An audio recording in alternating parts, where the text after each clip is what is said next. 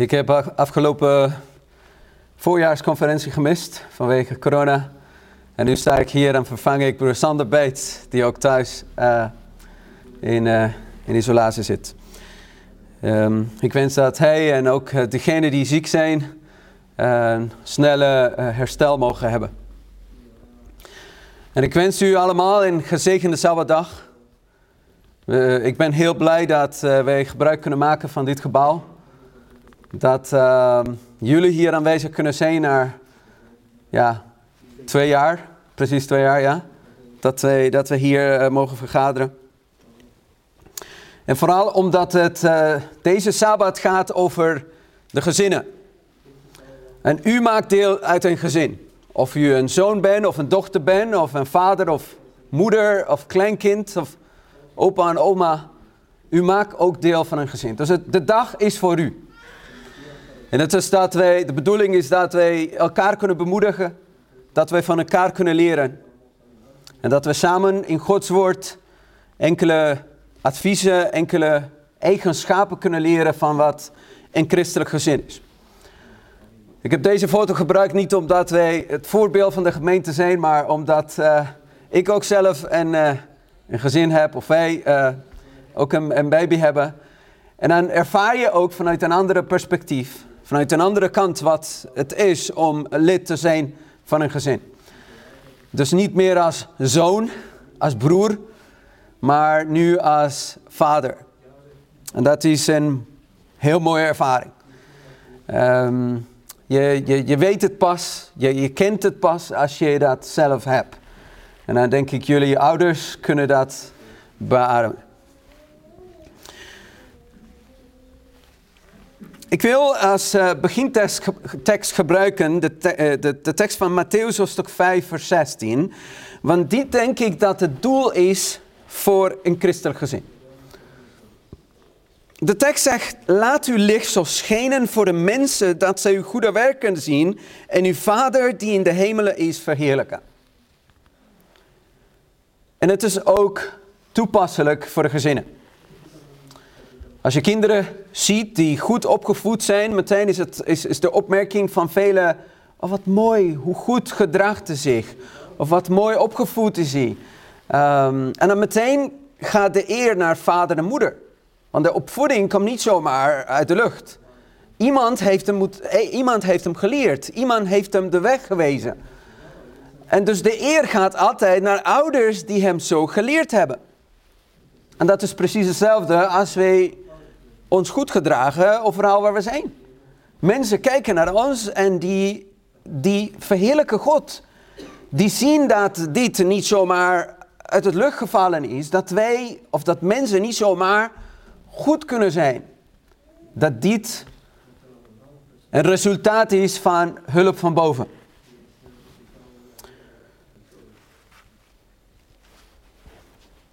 Ik wil uh, deze citaten lezen van Adventist Home.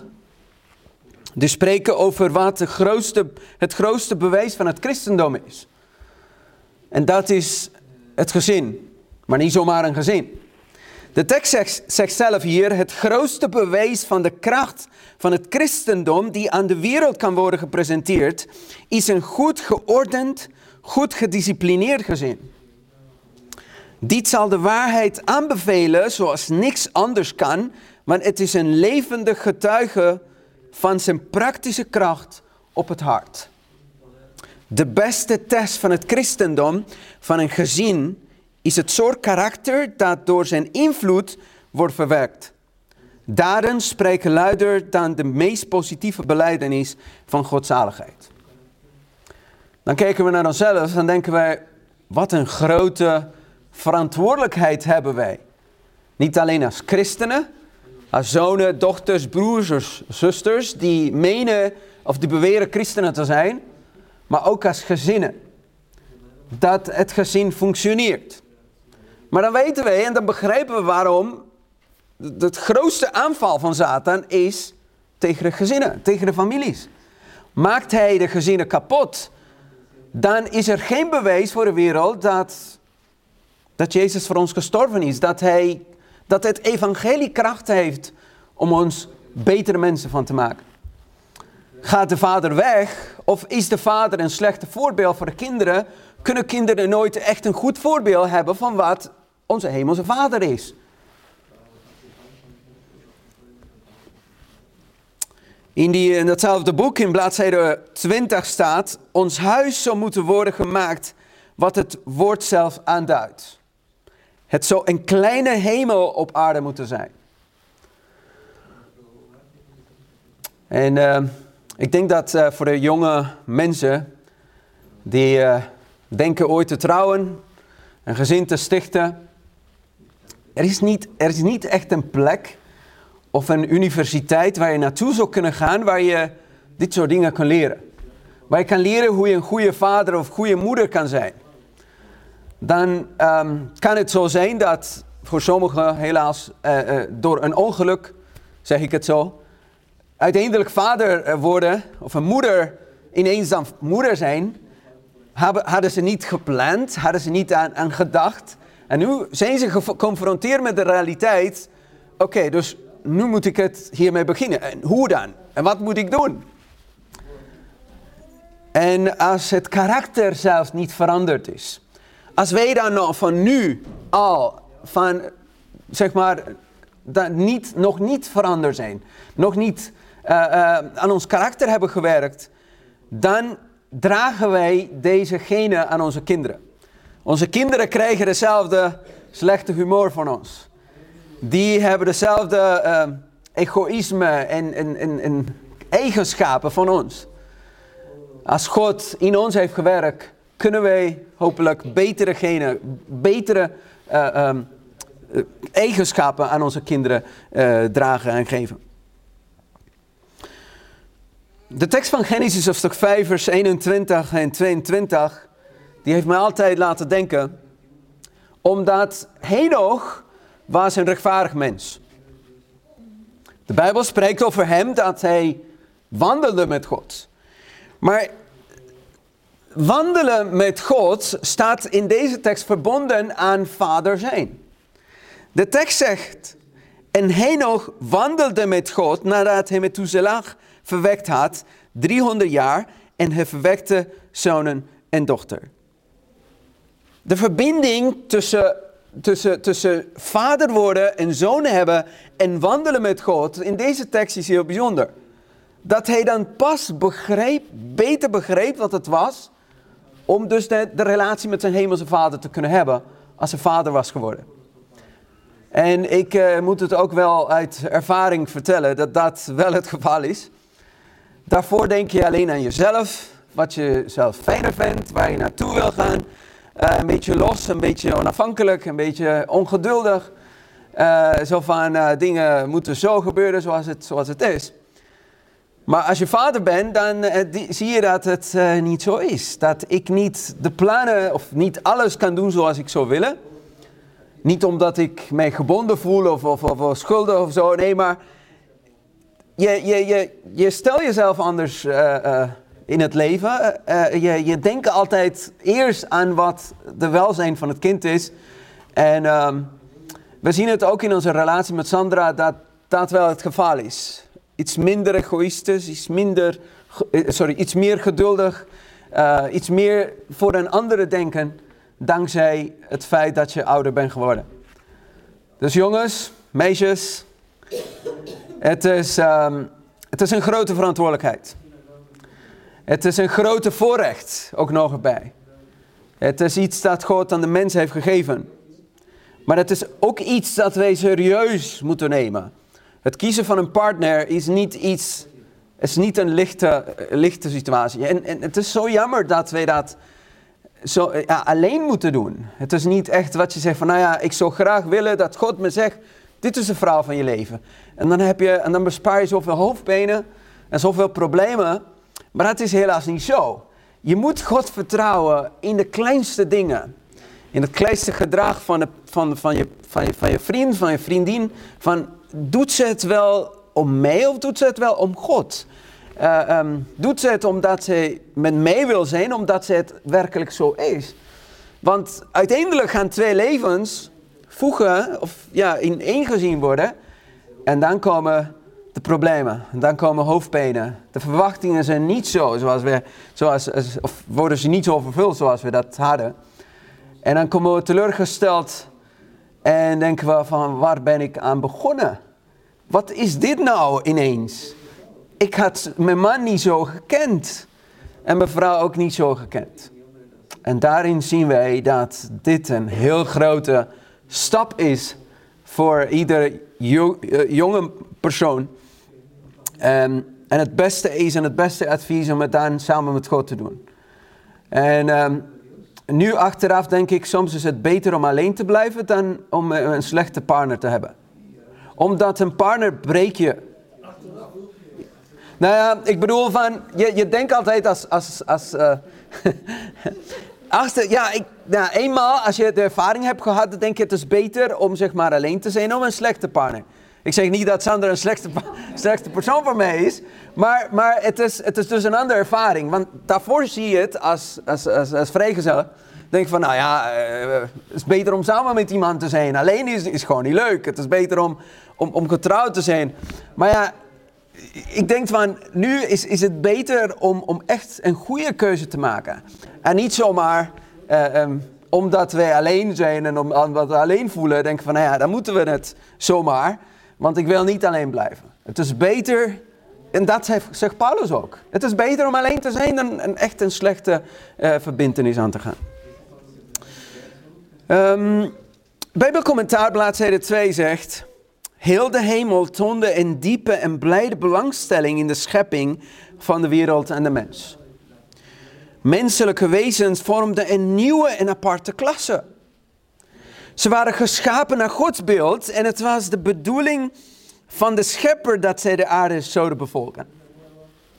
Wat bijzonder dat God in de mens een aparte klasse, heeft gemaakt, zodat zij een, speciale ervaring zouden kunnen hebben.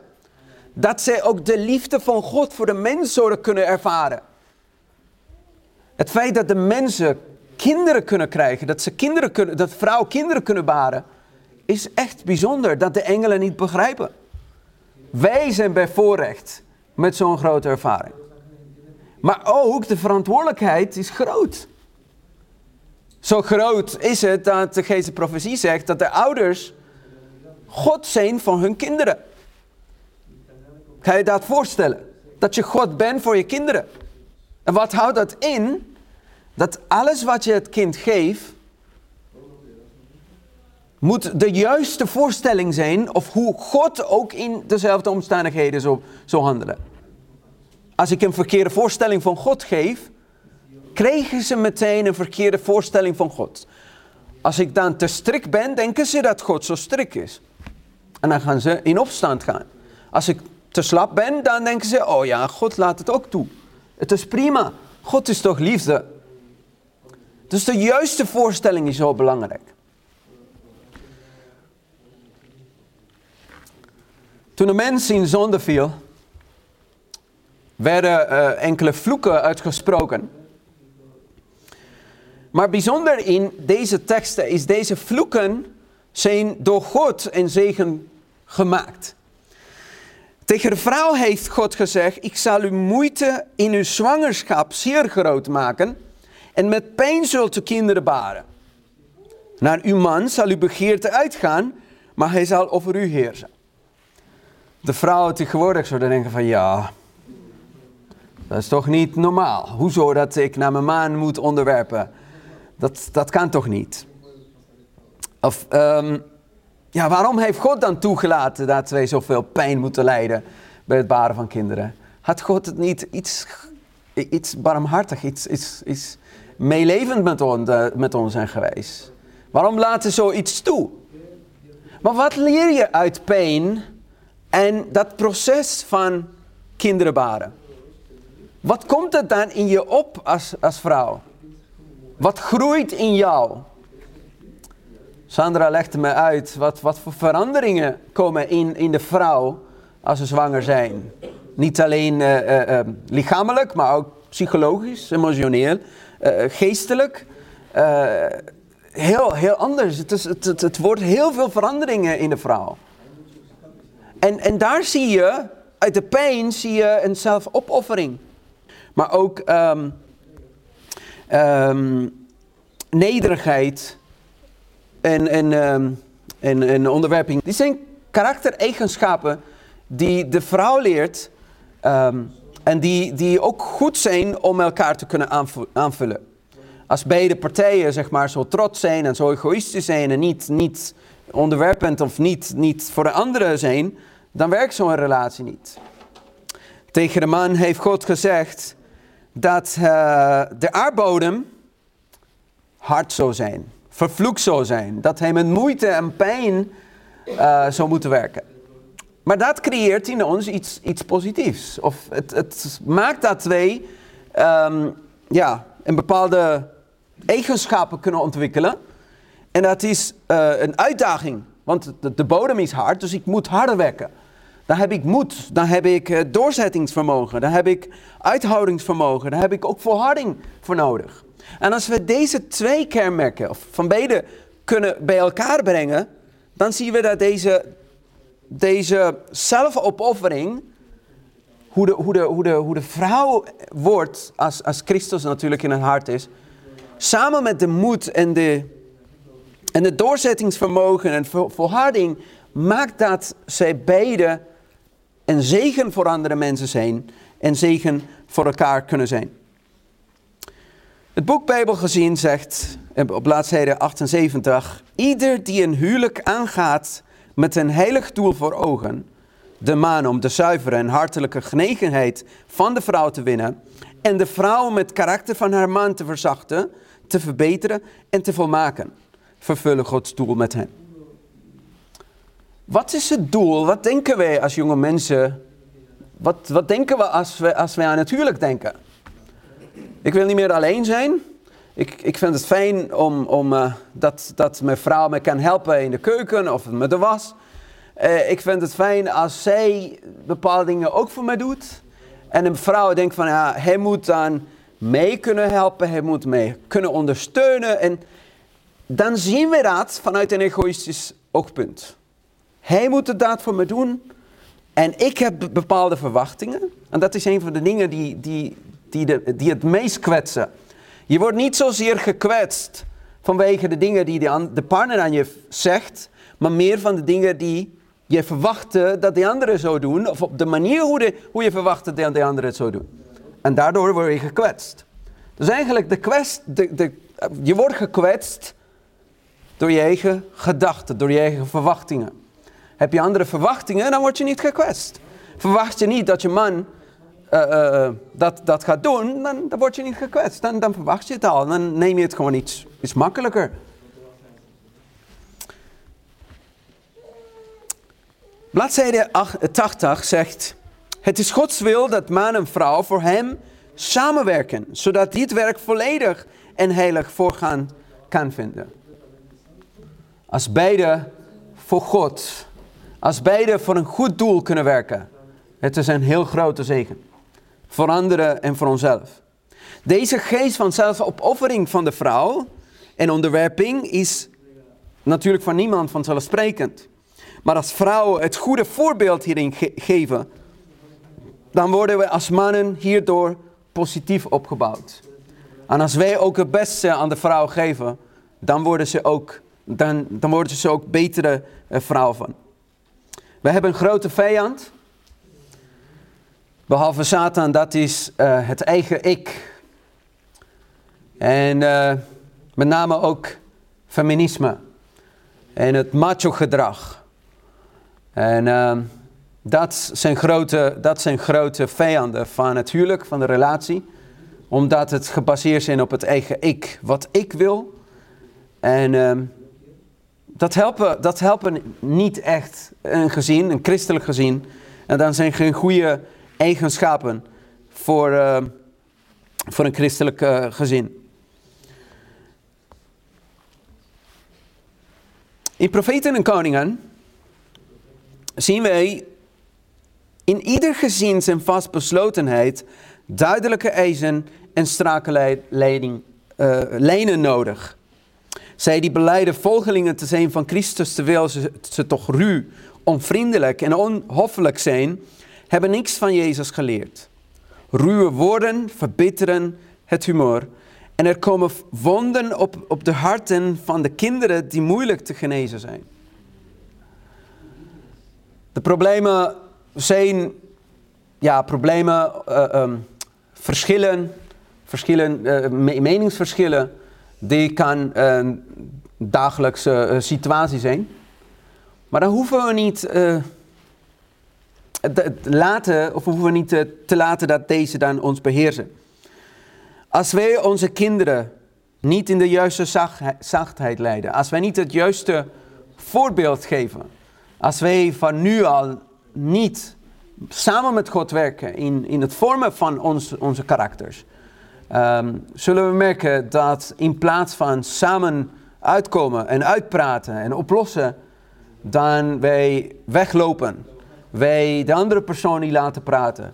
Dan uh, wij gaan beheersen en niet tolereren. Maar als we dat met, met Christus doen, dan zijn we bereid om samen te zitten, samen te praten, om te luisteren. En dat is soms moeilijk voor ons als mannen, om te luisteren.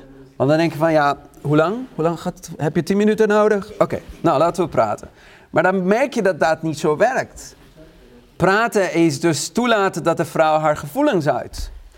Hoe lang het ook nodig zou kunnen zijn. En dan ehm, moeten wij als mannen dan uh, accepteren. Moeten we dan mannen ons aanpassen. En moeten wij dan niet onze eigen wil doordringen. Dat het moet gebeuren zoals het is. Maar dat sluit tot eenheid en harmonie tussen vaders en moeders. Tussen uh, uh, een stel.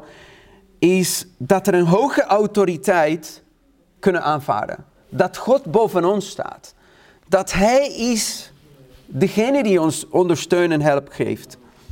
En dat doen wij als we de principes van God en zijn geschreven woord serieus nemen, accepteren en toepassen.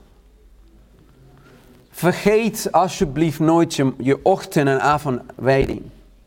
Neem tijd voor God. Neem tijd voor gebed. Het is zo makkelijk om dat, dat, dat even te laten gaan omdat de ene vroeger opstaat en weg moet en die andere iets later, omdat de kinderen op dat moment moeten slapen.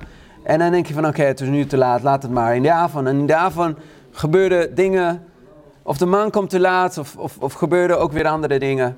En dan is het weer een andere dag die voorbij gaat waar de aandacht niet gehouden wordt. Neem de tijd voor God, samen met je partner, samen met je kinderen. Niet als een plicht, niet als een moet, ze moeten het ook leuk kunnen vinden, de kinderen. Ze moeten het ook kunnen genieten. Maar aan de andere kant, wat we net hebben gezien hier eh, in de um, eerdere uh, citaten, dat God wil dat er ook duidelijke eisen en strakke lijnen nodig zijn.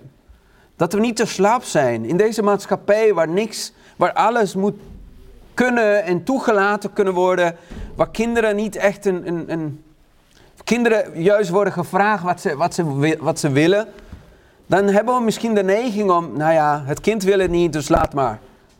Nou, wij hebben de verantwoordelijkheid voor God. Wij worden dan, God zal van ons deze verantwoordelijkheid vragen. Wat wij dan met onze kinderen hebben gedaan.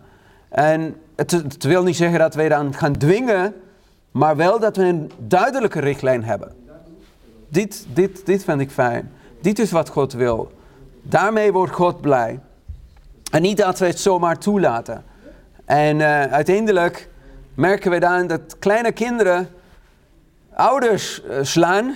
En de ouders denken van ja, maar ze is toch te klein. Nou, ze weet precies wat ze aan het doen is. En als je niet op tijd aanpakt, dan ga je later merken dat het kinderen bepalen wat de ouders moeten, moeten doen. En later worden zij in hoofdpijn. Niet alleen voor de ouders, maar ook voor de maatschappij. In de relatie tussen, tussen vader en moeder, tussen man en vrouw, zien wij wat God aan de vrouw zegt. Vrouwen, wees uw eigen mannen onderdanig, zoals het behoort in de Heer. Niet dat de mannen hier, eh, hiermee misbruik van maken. En, daarmee, en de vrouwen uh, uh, echt voor alles en tot de kleinste dingen willen onder, onderwerpen. Maar het is in de Heer. En als we kijken verder, het gaat zoals Jezus dan met zijn gemeente behandeld heeft en, en geweest is.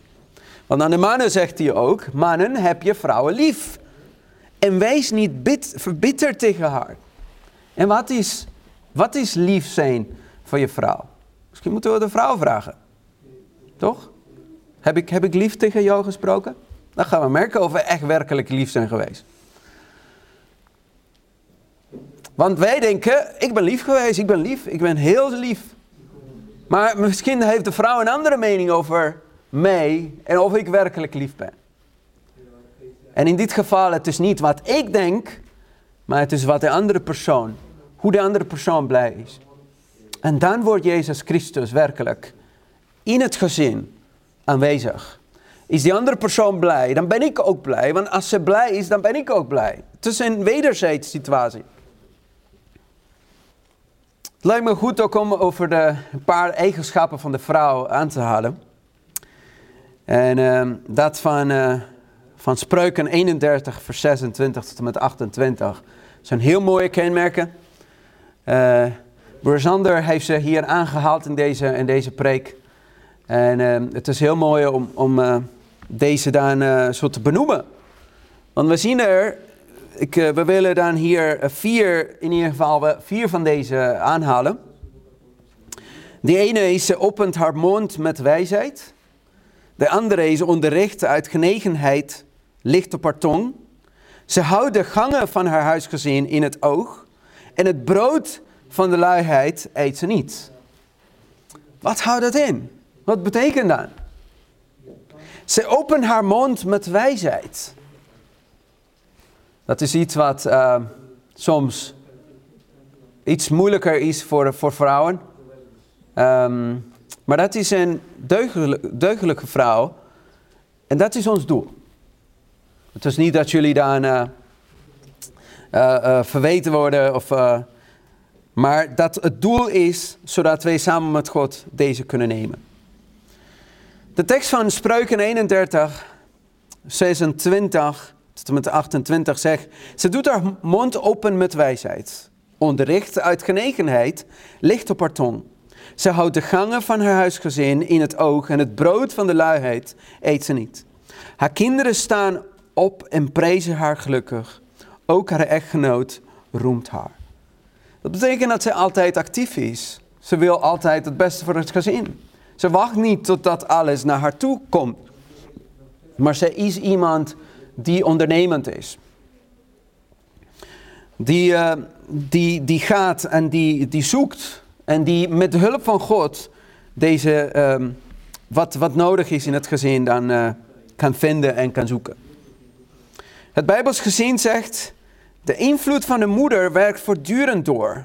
Wanneer ze staat voor waarheid en deugd, wanneer ze zich door goddelijke wijsheid laat leiden, wat zal haar leven dan een macht voor Christus zijn? Haar invloed strekt zich dan uit tot in de eeuwigheid.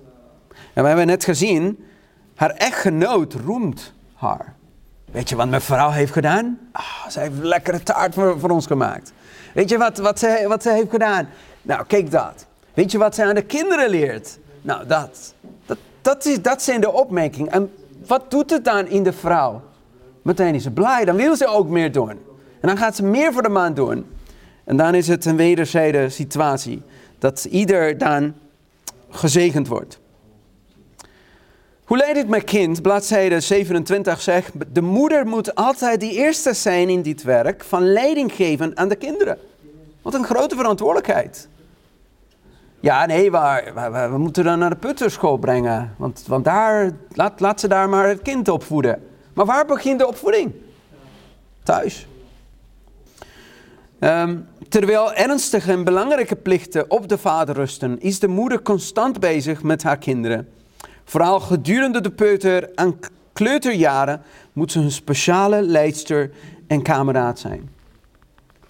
Dan zien wij wat de wil van God is voor moeders, voor kinderen en wat een ideaal is, zodat de kinderen een juiste en goede opvoeding kunnen krijgen. Kinderen nemen snel een, schep haar, Ze merken het onderscheid tussen liefdevolle, geduldige klanken en ongeduldige, emotionele bevelen. Die laatste doen de stroom van liefde en genegenheid in kinderharten opdrogen. Soms um, worden kinderen gestraft omdat de ouders uh, moe zijn of honger, honger hebben of uh, stress hebben, maar niet zozeer voor wat ze hebben gedaan. En de woorden die komen, die zijn hard. Ja, waarom doe je dat en dit en dat? Maar je merkt het eigenlijk, dat is niet zozeer hoe groot dus dat, dat, dat, dat, dat kind heeft gedaan, maar meer, meer hoe ik me voel op dat moment dat, hij, dat het kind dat heeft gedaan. En het beste is natuurlijk om uh, even onszelf laten afkoelen. En uh, daarna met het kinder, met kinderen praten. Tenminste, dat heb ik van mijn ouders gehad. Kan ik nog niet uit ervaring praten. Jullie misschien wel. Hoe moeilijk dan waarschijnlijk het is om echt jezelf te beheersen. En op de juiste moment te praten. En met de juiste woorden te kunnen praten. Um, met vriendelijkheid. Met, uh, met liefde. Zodat, zodat de kinderen ook de juiste um, les kunnen leren.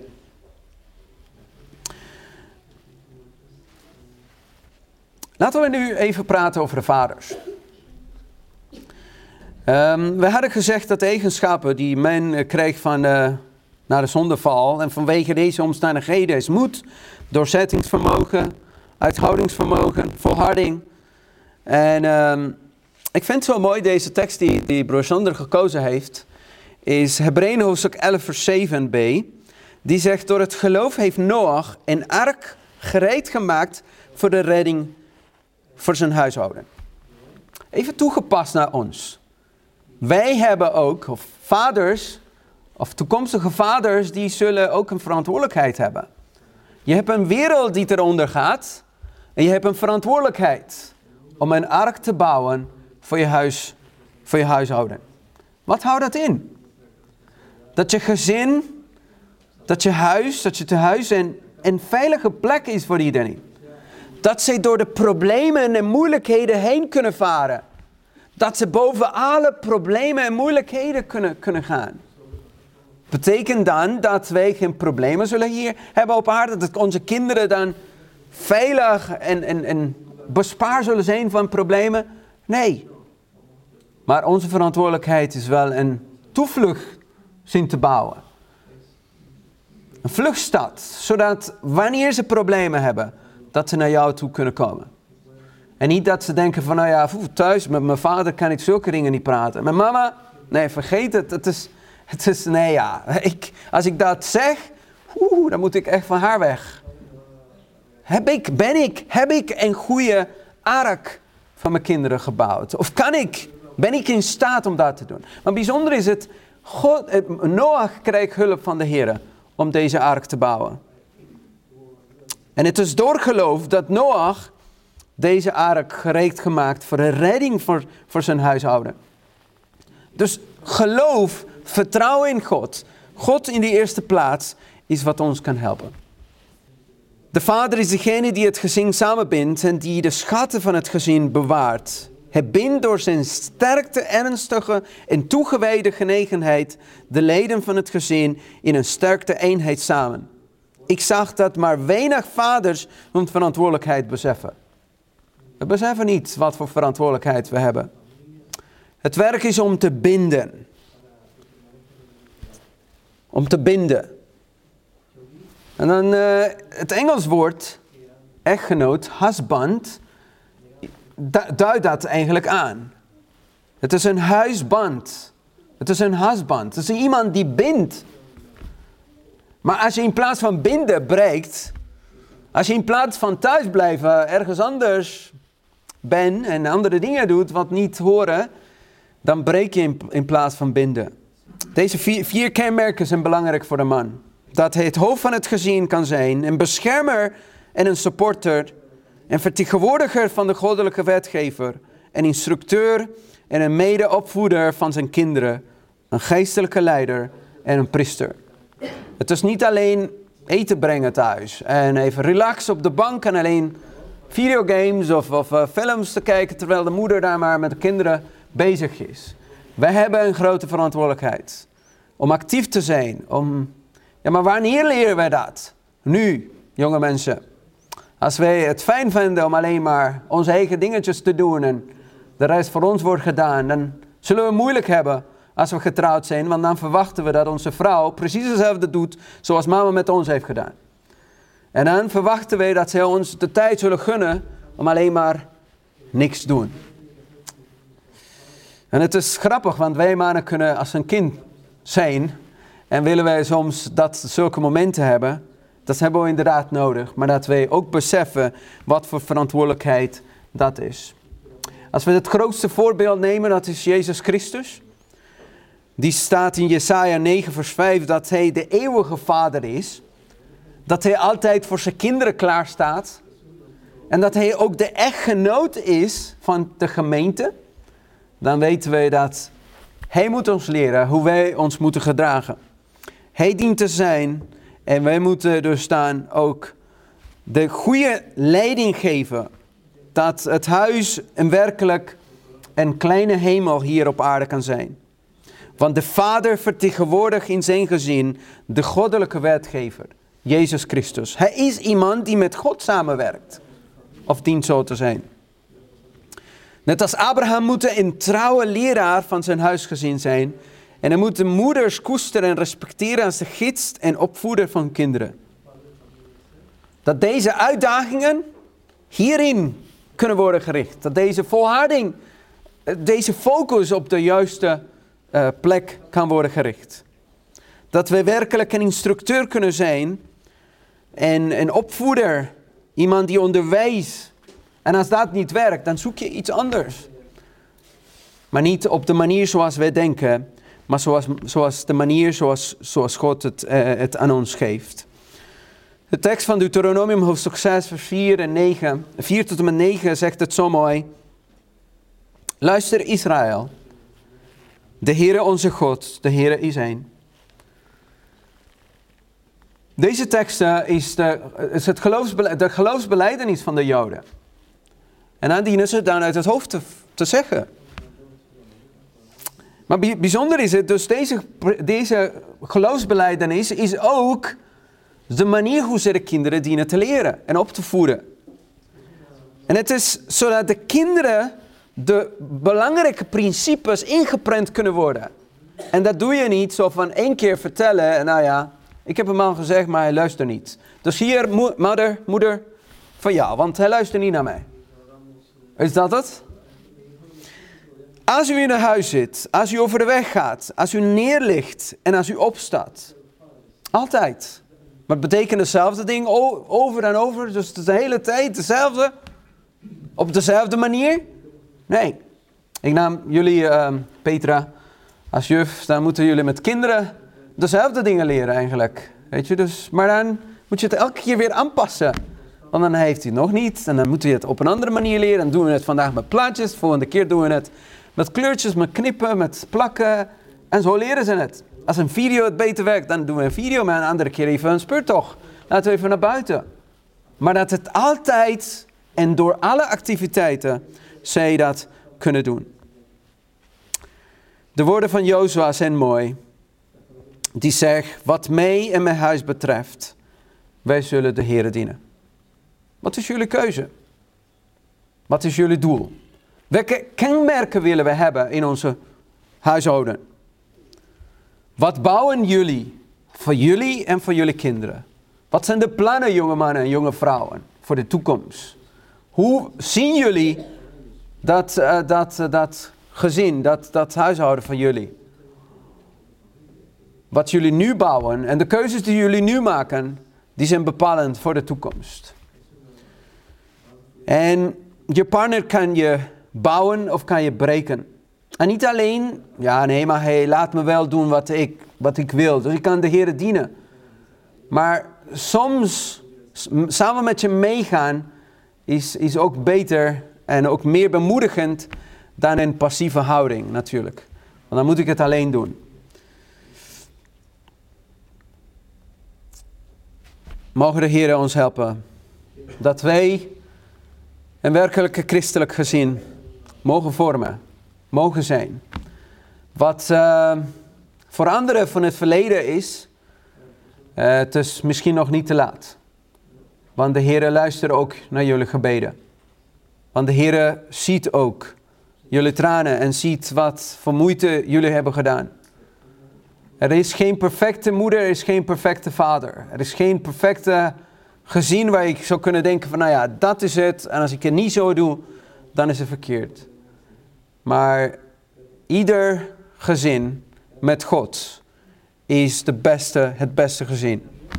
Ieder gezin met God is het gezin waar jullie kinderen naartoe willen gaan. Ieder gezin met God is de ark, de verlossing voor jullie huishouden, voor, je, voor jullie gezin. Neem het altijd met God samen. Doe het niet alleen. Het is te zwaar. Het is onmogelijk. En alles wat je misschien nog niet goed hebt gedaan, het is nog niet te laat. Er is nog genade tijd. En God kan je bijstaan en God kan je helpen. Mogen de Heer ons helpen. En uh, vooral wens ik jullie verder een gezegende uh,